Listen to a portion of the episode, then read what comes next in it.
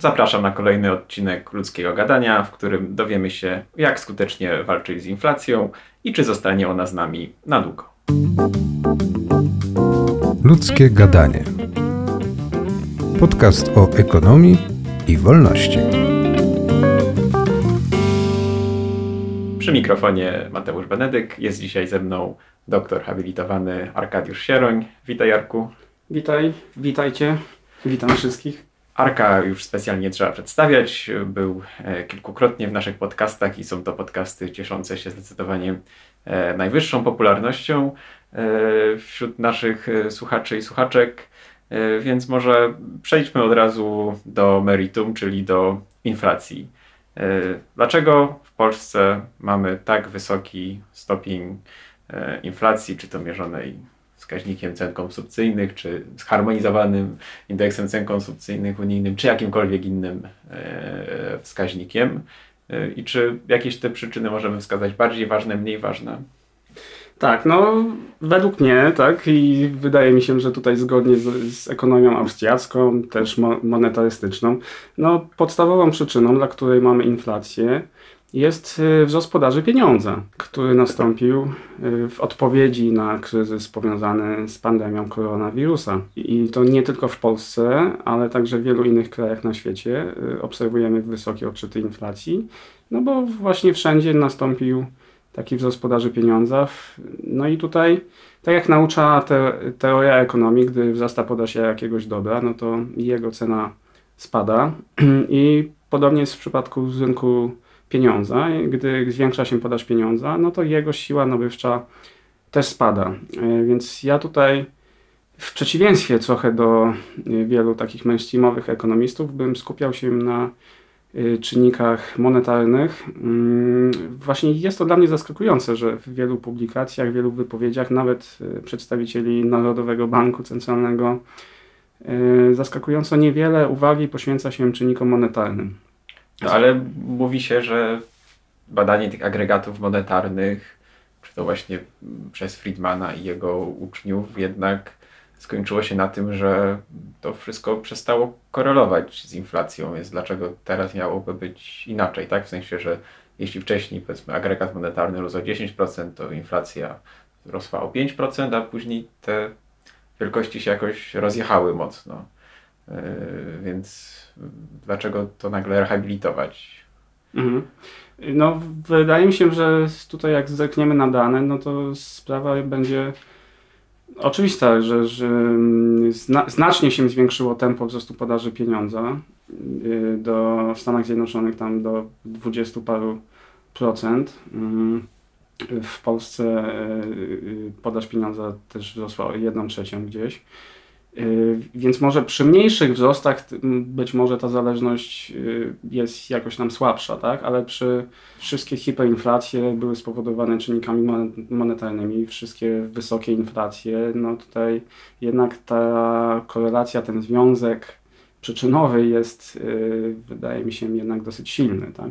I ja bym tutaj na tym się skupiał, niekoniecznie tak jak to się czyni na takich czynnikach podażowych. Yy, oczywiście one mają znaczenie, ale właśnie warto odróżnić yy, taką inflację ogólnogospodarczą od, yy, tak jak tutaj wspomniałeś na początku, od inflacji takiej wskaźnikowej, tak? No bo jeśli sobie rozpatrujemy cały rynek, no to pieniądz jest, bierze udział w każdej transakcji, więc to, co się dzieje na rynku pieniądza, będzie silnie oddziaływało na, na cały rynek, tak? Natomiast jeżeli sobie będziemy badać na przykład cenę jabłek, no to rzeczywiście tutaj też będą silnie y, grały rolę takie czynniki podażowe jak y, właśnie produkcja jabłek, nie wiem, może rząd wprowadzi jakiś y, no, podatek jabłkowy, nagle uzna, że jabłka są dobrem luksusowym, wprowadzi akcyzę, albo no, dużo zależy od pogody, albo jakieś Rosja, embargo. Rosja cła wprowadzi. No właśnie, embargo, tak.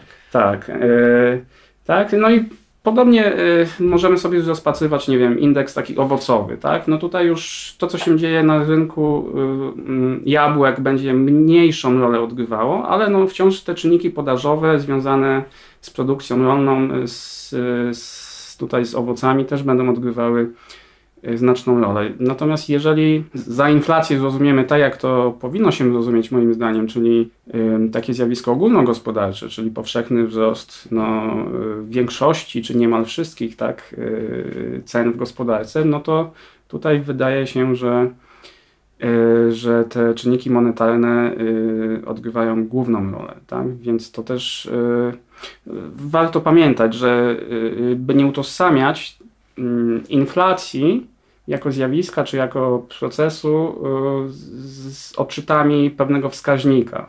Tak? Bo no tutaj do, dominuje ten wskaźnik y, CPI, o którym wspomniałeś, no i tutaj na ten wskaźnik też będą wpływać takie czynniki, na przykład jak działania po stronie fiskalnej, tak? bo jeśli rząd na przykład będzie pewne polityki gospodarcze wprowadzał, które redystrybują środki od przedsiębiorców, od inwestycji w stronę konsumpcji, no to wskaźnik cen konsumpcyjnych rzeczywiście może wzrosnąć. Tak? Natomiast no, y, trudno tu mówić wtedy o ogólnogospodarczej inflacji, tak? Albo jeśli będzie rosła cena jakiegoś dobra, na przykład yy, czy ceny energii, które stanowią jakiś tam istotny udział w tym koszyku, no to ten koszyk, ten wskaźnik też będzie rósł, ale no trudno znowu tutaj mówić o takiej ogólnogospodarczej inflacji, no, no bo jeśli wzrośnie cena y, jednego dobra, no to konsumenci mają mniej, mniej dochodów, by wydawać, kupować inne dobra, więc y, tam ta y, presja inflacyjna będzie niższa wtedy, tak?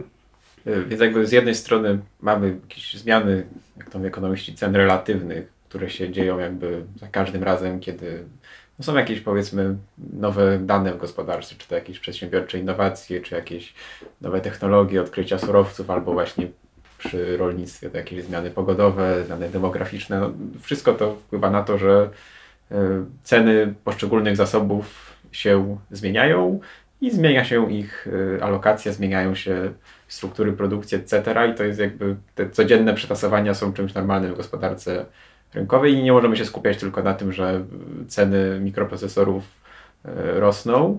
E, I można by ewentualnie powiedzieć, że taka inflacja podażowa istnieje, jak tak teraz głośno myślę, jeśli mielibyśmy po prostu do czynienia z jakimś takim dużym spowolnieniem gospodarczym ogólnym. Tak, jeśli generalnie liczba dóbr i usług produkowanych na rynku by jakoś gwałtownie malała, no to jakby naturalną reakcją byłoby, że, że, że ogólnie ceny rosną i to byłoby powiedzmy stricte podażowe, ale z tym nie mieliśmy do czynienia, bo kiedy inflacja się wysoka pojawiła w Polsce według tych wskaźników CPI, to już w zasadzie poziom PKB przekraczał ten poziom sprzed pandemii, więc liczba dostępnych dóbr i usług jest obecnie dużo większa niż e, przed wybuchem pandemii, więc jakby dziwi mnie to, że ludzie nie łączą tego, tak? Mówią, że są zerwane łańcuchy dostaw, braki dóbr, ale no wszystkie wskaźniki, które oni codziennie się powołują, mówią, że tych dóbr jest już więcej, więc dlaczego te ceny miałyby być nagle wyższe, gdyby, jeśli się nie odwołujemy do tych czynników monetarnych? No tak, tak, tak, zgadza się. Mnie też to właśnie zaskakuje.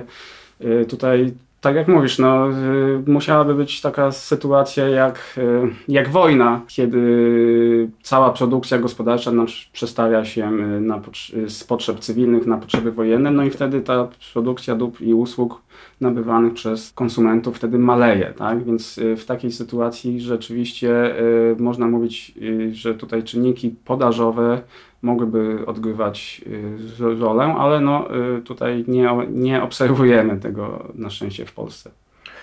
I tu jeszcze pewnie warto dodać, że y, takim no, problemem z tym właśnie próbami takiego ścisłego, statystycznego wyznaczenia tego, jak zmiany w zasobie pieniądza będą się przekładać na zmiany cen dóbr konsumpcyjnych, jest to, że popyt ludzi na salda gotówkowe jest czymś, co trudno się przewiduje.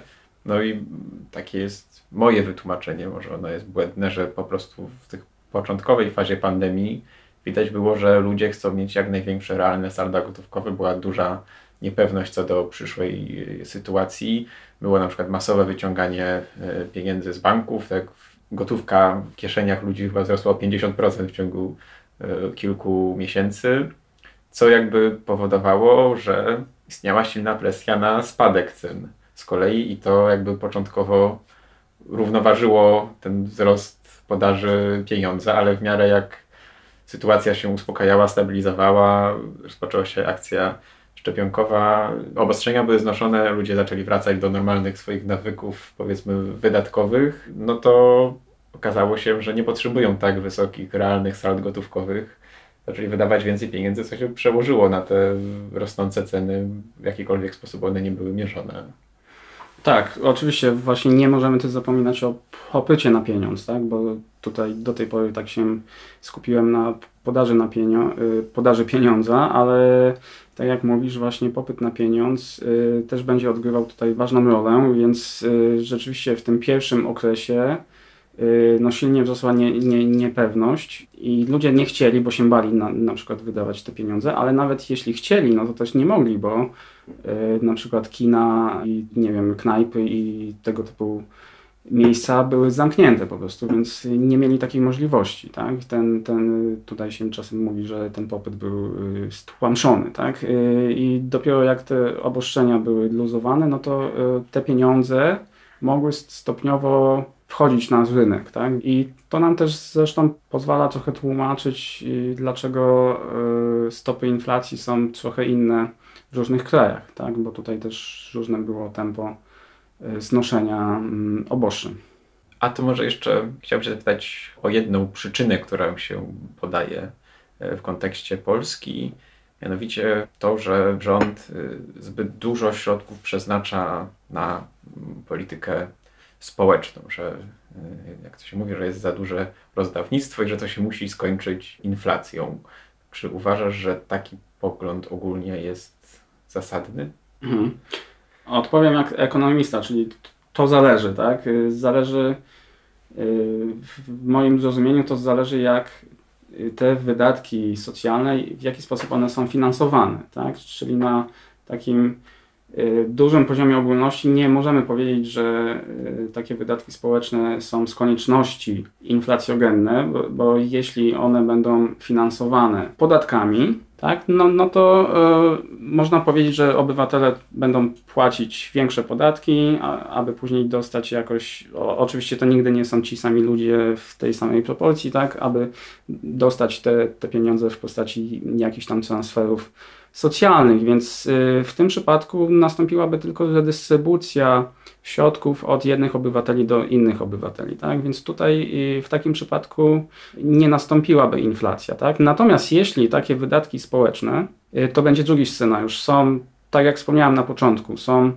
na przykład następuje taka redystrybucja, że mniej rząd przeznacza na inwestycje na przykład albo opodatkowuje przedsiębiorców, firmy, zyski kapitałowe, oszczędności, że yy, zmniejsza się udział inwestycji, powiedzmy, a zwiększa się udział konsumpcji, no to y, tutaj wciąż mamy redystrybucję, ale z kolei to może jakoś tam wpływać na odczyty wskaźnika CPI, tak? bo konsumenci będą mieć y, więcej pieniędzy i można domniemywać, że, y, że będą te pieniądze wydawać na, na, na konsumpcję, więc wtedy wzrośnie CPI. Tak? Z kolei trzecim scenariuszu, jeżeli rząd właśnie finansuje te wydatki kreacją pieniądza i tutaj bezpośrednią czy pośrednią monetyzacją, no to wtedy dopiero możemy mówić, że takie wydatki będą inflacjogenne. No i to, co mówisz, chyba dobrze jakoś się przekłada do polskiej sytuacji, bo tak, y, powiedzmy, 500 plus istnieje od 2016 roku bodajże, rozszerzono je na pierwsze dziecko, y, zdaje się, że w 2019 Mhm. 13 emerytura też już kilka lat tak. z nami jest, więc jakby to nie jest tak, że te zmiany nie wpłynęłyby już na gospodarkę przed 2021 rokiem, kiedy ta, ta inflacja zaczęła rosnąć, e, a raczej po prostu z powodu pandemii inny był sposób nagle finansowania tych wydatków budżetowych. Narodowy Bank Polski zaczął skupować obligacje skarbowe polskiego państwa, czego wcześniej E, nie czynił. I tak samo obligacje BGK i PFR przeznaczone na te wszystkie e, tarcze antykowidowe. No, i, banki też jakby zdaje się, że zaczęły dość mocno ten, ten dług skupować, co też jakiś ma efekt y, kreacji pieniądza y, i dopiero wtedy to spowodowało takie efekty inflacyjne. Natomiast no, trudno uznać mi, że, że takie proste stwierdzenie, że to przez te wydatki socjalne mamy inflację, żeby było prawdziwe. e, chociaż powiedzmy zdaje się, że wielu sympatyków Instytutu lubi taki skrót myślowy stosować. To w takim razie, co dzisiaj możemy z tą inflacją zrobić? Jak się jej pozbyć? Czy da się zrobić coś, co będzie działało szybko i czy e, te tarcze antyinflacyjne, kolejno ogłaszane, coś tutaj mogą pomóc?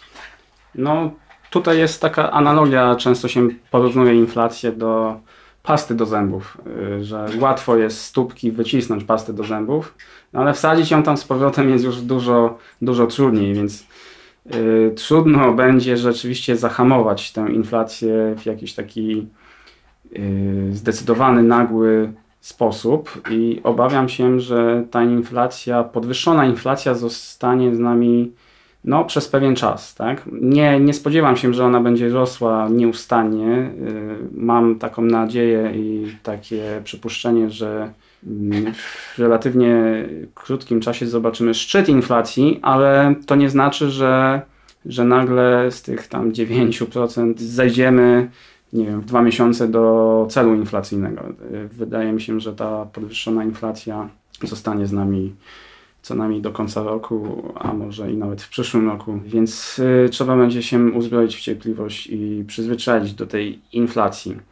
Y, natomiast tutaj pytałeś o, o tarcze inflacyjne. No i tutaj mm, no nie jestem przekonany, czy jest to najlepsze rzeczywiście takie rozwiązanie. Oczywiście z jednej strony obniżki, obniżki podatków, nawet jeśli one są tymczasowe, no to one mnie jakoś tam cieszą, no bo e, mniej, mniej będziemy oddawać fiskusowi. Natomiast one są tymczasowe, e, no i, rząd nie zredukuje tutaj wydatków, więc e, prowadzi taką ekspansywną politykę fiskalną i z takiego makroekonomicznego punktu widzenia w sytuacji inflacji to niekoniecznie musi być najlepsze rozwiązanie. No i tutaj jeszcze jest ta kwestia dodatków osłonowych i to mi się wydaje już, już no kompletnie chybionym pomysłem, czy przeciwskutecznym, w tym sensie, że to mi trochę przypomina dolewanie oliwy do ognia, tak? bo no, problemem są rosnące ceny, i, które wynikają ze wzrostu podaży pieniądza i z tego, że dochody nominalne, jakby w pewnym sensie y, te salda pieniężne ludzi były powiększone, więc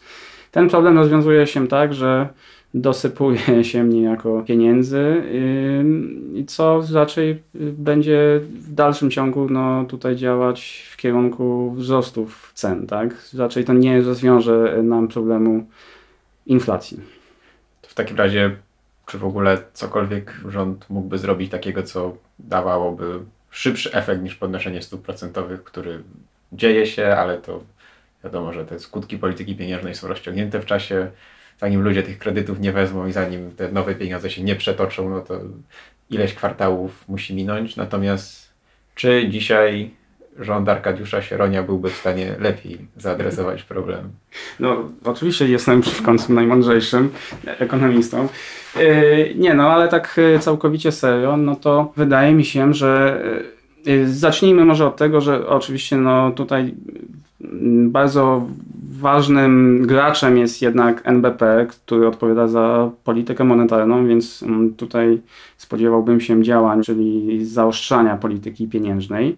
No i też NBP mógłby tak bardziej normalizować politykę pieniężną poprzez różne, różne sposoby i bardziej prowadzić pewne działania mające na celu umocnienie złotego. Natomiast jeśli pytasz o rząd, no to wydaje mi się, że yy, główno, głównym takim działaniem no to byłaby raczej konsolidacja fiskalna, czyli redukcja wydatków. I raczej bym szedł w tę stronę yy, i to by mogło tutaj pomóc przezwyciężyć tę wysoką inflację yy, poprzez kilka, że tak powiem, kanałów. Y, no tutaj jeśli rząd mniejsze wydatki, tak, mniejsze, mniejsze deficyty, też byłaby mniejsza, dałoby to większą przestrzeń NBP do normalizacji bardziej zdecydowanej polityki pieniężnej.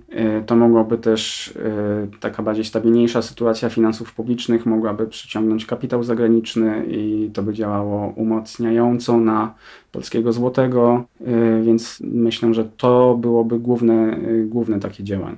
To jeszcze może dodam, że właśnie to, chociaż przed chwilą powiedzieliśmy, że ta polityka fiskalna może nie jest taka ważna w sumie przy tej inflacji, ale to ona może wpływać mocno na oczekiwania, czy to właśnie inwestorów zagranicznych, czy polskich przedsiębiorców i nie widząc jakąś konsekwentne próby ograniczania wydatków i doprowadzenia do zrównoważonego budżetu, na przykład pewnie łatwiej byłoby przedsiębiorcom decydować się na inwestycje. Nie obawialiby się o to, że wkrótce znowu system podatkowy zostanie gwałtownie zmieniony i będą musieli oddawać większą część ewentualnych y, zysków fiskusowi, co mogłoby doprowadzić do tego, że jakby ta proporcja między wydatkami inwestycyjnymi i konsumpcyjnymi by się w gospodarce e, zmieniła na korzyść właśnie tych inwestycyjnych, także jakby te przepływy pieniężne nieco inaczej by się układały, więcej byłoby w tych wyższych partiach struktury produkcji E, w tym austriackim ujęciu, co, co, co jakby sprawiłoby, że te ceny dóbr konsumpcyjnych niekoniecznie musiałyby tak e, szybko rosnąć. I też oczywiście jakby w przyszłości te inwestycje skutkowałyby tym, że więcej tych dóbr konsumpcyjnych by zaczęło napływać e, na rynek, co, co, co byłoby, miałoby taką naturalną, deflacyjną tendencję. No ale jeszcze zostaje kwestia kursu walutowego, o której wspomniałeś. I w takim naszym tekście o tarczy antyinflacyjnej Wspominaliśmy e, też o tym, że rząd mógłby zmienić sposoby wydatkowania środków z Unii Europejskiej. Mógłby przybliżyć, jak to się obecnie dzieje i ewentualnie jak można by to zmienić? Mhm.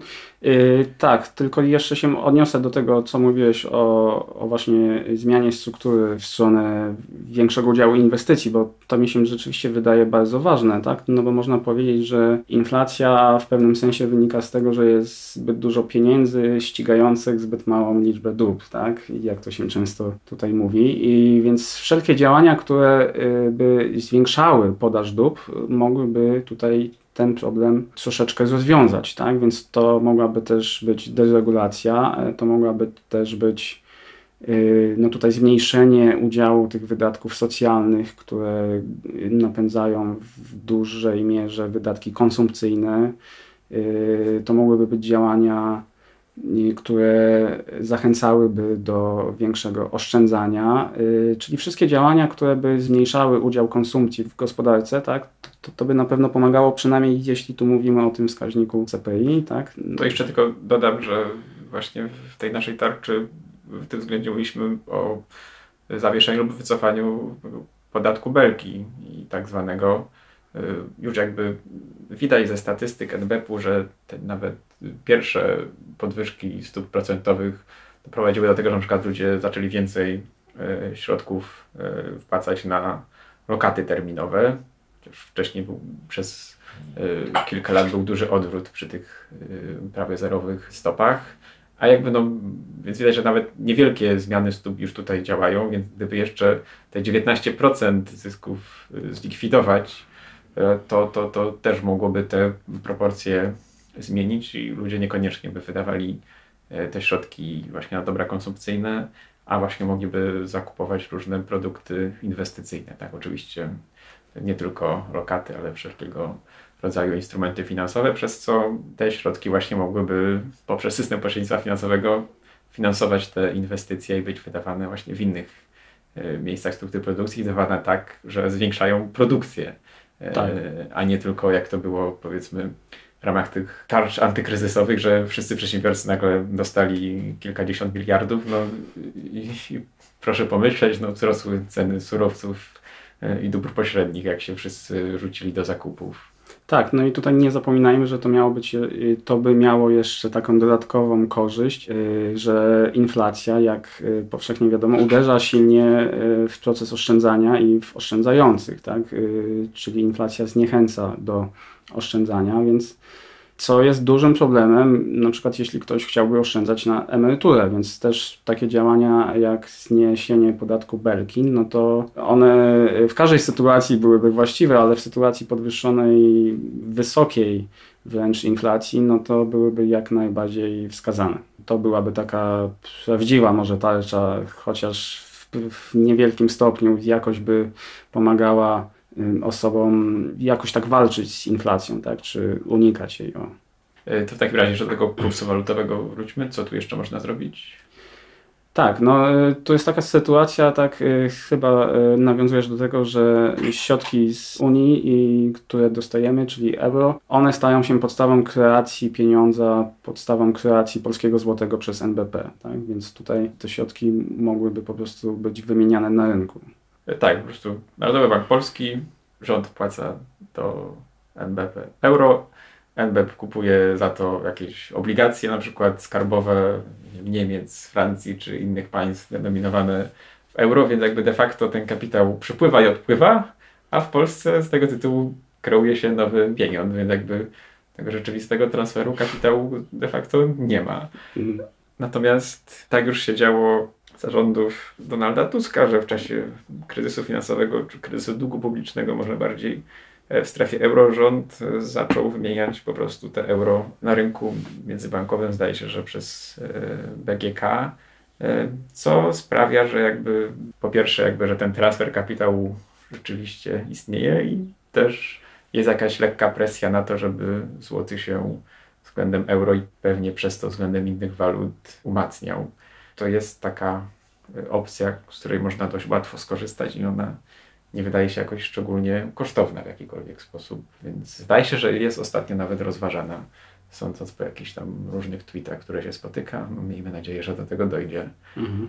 Jeśli są Państwo zainteresowani tematyką współczesnych systemów pieniężnych i tego, dlaczego one systematycznie powodują inflację, to zapraszam do odwiedzenia strony dołączmises.pl, gdzie można pobrać e-booka E, książki Etyka produkcji pieniądza Jorga Guido Hulsmana. Autor analizuje tam nie tylko ekonomiczne, ale także etyczne, kulturowe, polityczne efekty inflacji i analizuje, jak zmieniał się system pieniężny e, w Europie i Stanach Zjednoczonych e, w ostatnich kilkuset latach. Bardzo dużo wiedzy skondensowane w dość krótkiej książce, przystępnie napisanej, więc polecam. Wystarczy podać nam swojego maila, żebyśmy mogli byli być z Państwem w kontakcie e, i wtedy można tego e-booka pobrać. Ja wracam do rozmowy e, z doktorem habilitowanym Arkadiuszem Sieroniem.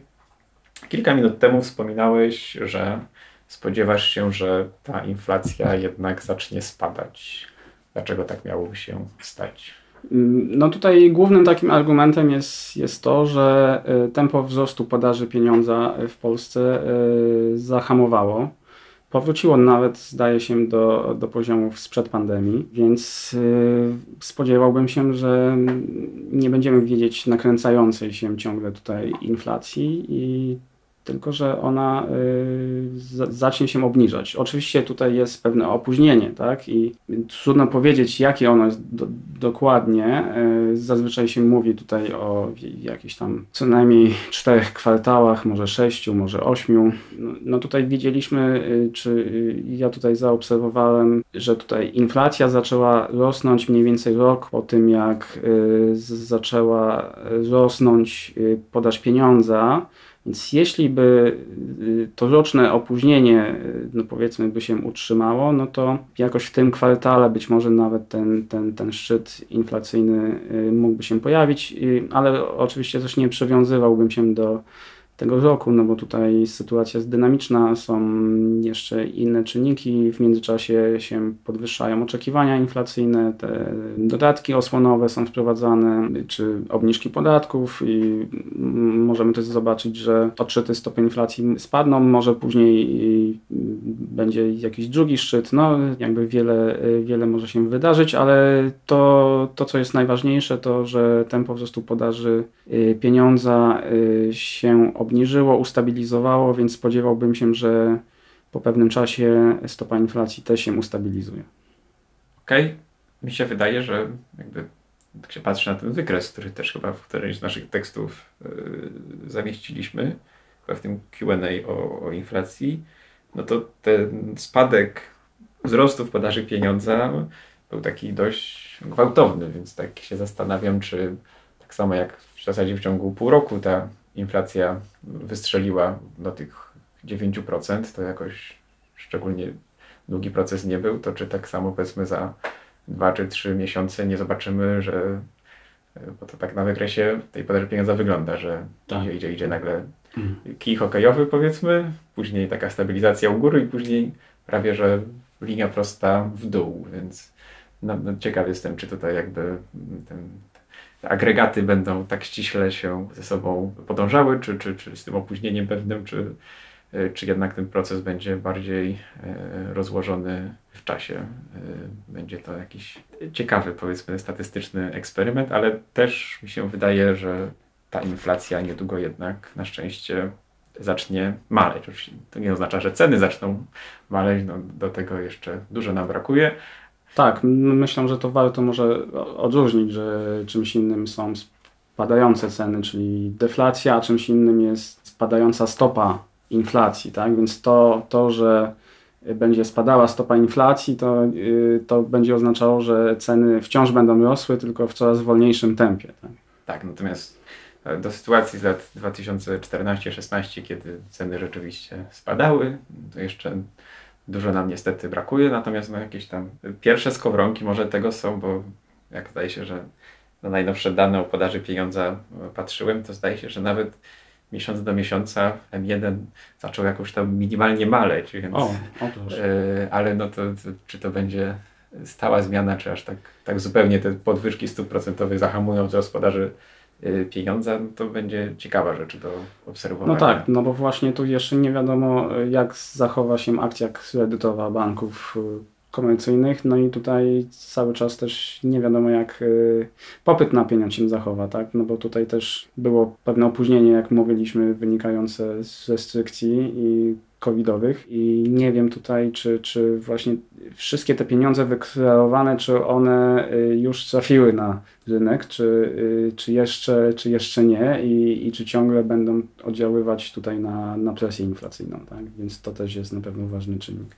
To może wróćmy jeszcze do wątku, który też już poruszyłeś, mianowicie skąd się biorą różnice w tych oficjalnie notowanych poziomach inflacji, tak, bo powiedzmy, nie wiem, mamy z jednej strony Turcji, gdzie tam jest, się, ponad, Turcję ponad 20%, mamy Polskę, gdzie jest prawie 10%, mamy Stany Zjednoczone, gdzie tam jest jakieś 7-8, y, coś, coś, coś w tym rodzaju, mamy strefę euro, gdzie jest to połowę mniej, gdzieś chyba około 4 raczej. Koło pięciu już chyba. Tak. Y, około 5 i mamy kraje azjatyckie, gdzie w niektórych jest, nie wiem, 1% inflacji, 2% inflacji. Myślę, że jest to też jakby problem dla tej narracji, że to te przerwane łańcuchy dostaw, to dlaczego nagle w Azji się nie przerwały, czy tam y, mają wszystkiego pod dostatkiem. Aczkolwiek tutaj widziałem argument, no, że y, y, ponieważ właśnie Azja jest takim hubem przemysłowym, no to tam jest łatwiej jakoś uzupełnić te przerwane łańcuchy dostaw i jakby wszystko jest bliżej, to nie trzeba statkami, więc ten problem logistyczny taki, że, że nie ma kontenerowców i tak dalej odpada, tak? Więc tutaj tak bym stanął, y, czy, czy zabawił się w adwokata diabła, ale y, wydaje mi się, że takim głównym argumentem jest chyba to, że y, no była różna dynamika też przyrostu podaży pieniądza. Tak? I tutaj, tak jak wspomniałem, w Stanach Zjednoczonych podaż pieniądza, tempo wzrostu tutaj wzrosło do, do 25% w kulminacyjnym momencie, w strefie euro do 10%. Więc to jeden czynnik. Drugi czynnik, y, no ta pomoc fiskalna, no to znaczy pomoc, czy te wydatki fiskalne w Stanach też były dużo większe niż w strefie euro. Tam nawet wysyłali czeki obywatelom, co mogło się przełożyć właśnie na wyższe wydatki konsumpcyjne, no i wyższe odczyty CPI. Więc te, myślę, że, że, że te głównie czynniki i powodują te różnice. No plus oczywiście też było różne, różne tempo wychodzenia z lockdownów, tak? Właśnie w Stanach Zjednoczonych y, zarzucili tę politykę wcześniej, więc y, te wykreowane pieniądze mogły szybciej trafić na, y, na rynek, no bo ludzie wrócili na rynek i zaczęli te, y, te pieniądze już śmielej wydawać w restauracjach, w kinach i, i tak dalej. To nam też tłumaczy, myślę, te czynniki. No tutaj niektórzy też zwracają uwagę na e, różnice, jeśli chodzi o rynek pracy, albo że Amerykanie więcej wydają na te używane auta, więc tutaj ta kwestia tych mikroprocesorów, ale to mi się wydaje, myślę, że to też mogło mieć pewne znaczenie, znaczenie ale już nie tak istotne. Y, to nam też tłumaczy, dlaczego w Azji widzimy mniejszą inflację, no bo państwa azjatyckie, jak, jak powszechnie się przyjmuje, y, lepiej sobie poradziły z pandemią. Y, stosowały masowe testowanie, śledzenie tych kontaktów, izolację, więc nie stosowały na tak masową skalę lockdownów, takich jak, jak w Stanach Zjednoczonych czy w strefie euro. W konsekwencji nie było jakichś takich szalonych właśnie wahań y, w strukturze produkcji, w strukturze, w strukturze wydatków. Y, no i nie było potrzeby na tak dużą stymulację monetarno-fiskalną. I myślę, że te czynniki odpowiadają za to, że w państwach azjatyckich y, stopa inflacji jest mniejsza. No plus tutaj niektórzy też wskazują, że na przykład w Japonii jest dużo starsze społeczeństwo, tak? I że to starsze społeczeństwo boi się wirusa i tak y, te wydatki nie powróciły do poziomów sprzed pandemii. Natomiast w takich krajach jak, jak Stany Zjednoczone, y, no, no to już dawno y, nawet te poziomy zostały prze, przekroczone. Tak? tak, znaczy nie poziom, ale nawet trend został chyba tam tak, tak, przebity tak, w Polsce. Tak, tak, tak. ostatnio jakoś chyba ten, ten, do tego trendu wróciliśmy, może nawet lekko przebiliśmy, jeśli chodzi o sprzedaż detaliczną.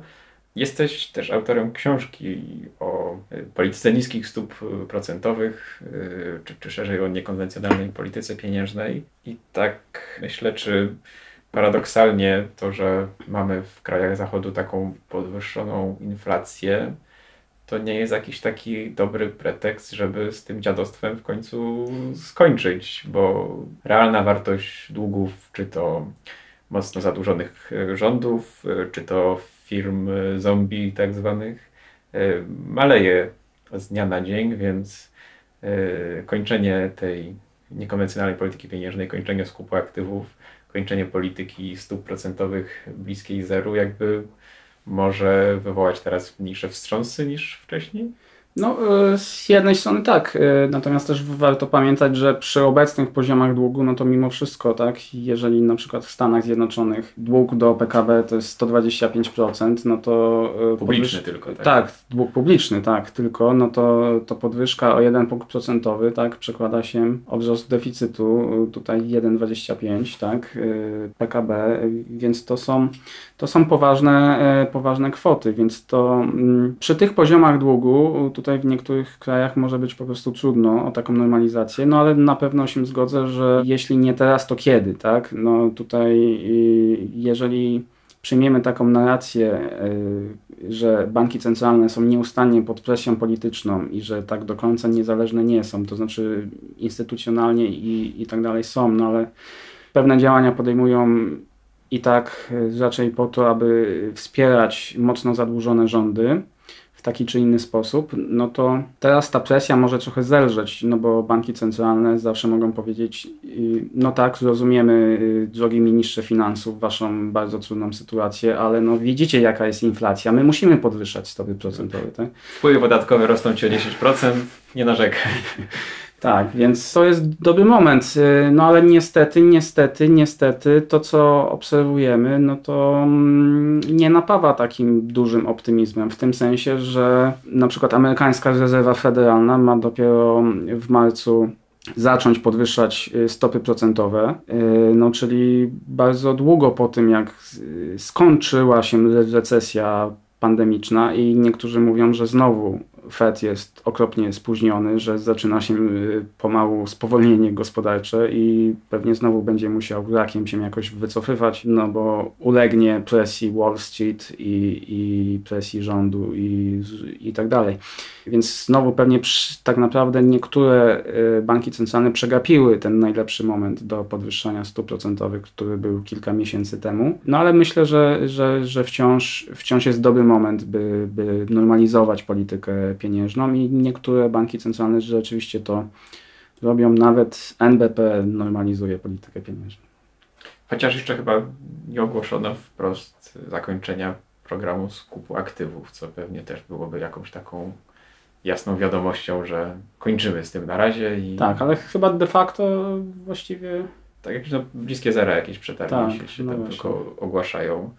Dziękuję Ci za rozmowę. Naszym słuchaczom przypominam, Dziękuję. żeby koniecznie subskrybowali nasz kanał na YouTubie. E, proszę także pamiętać, że jesteśmy dostępni na wszelkich platformach streamingowych jak e, Spotify, Google Podcast, Apple Podcast. Teksty mojej Jarka o inflacji znajdziecie oczywiście na najlepszej stronie internetowej poświęconej ekonomii w tym kraju, czyli na mises.pl. Życzymy e, wielu danych lektur i do usłyszenia wkrótce. Cześć.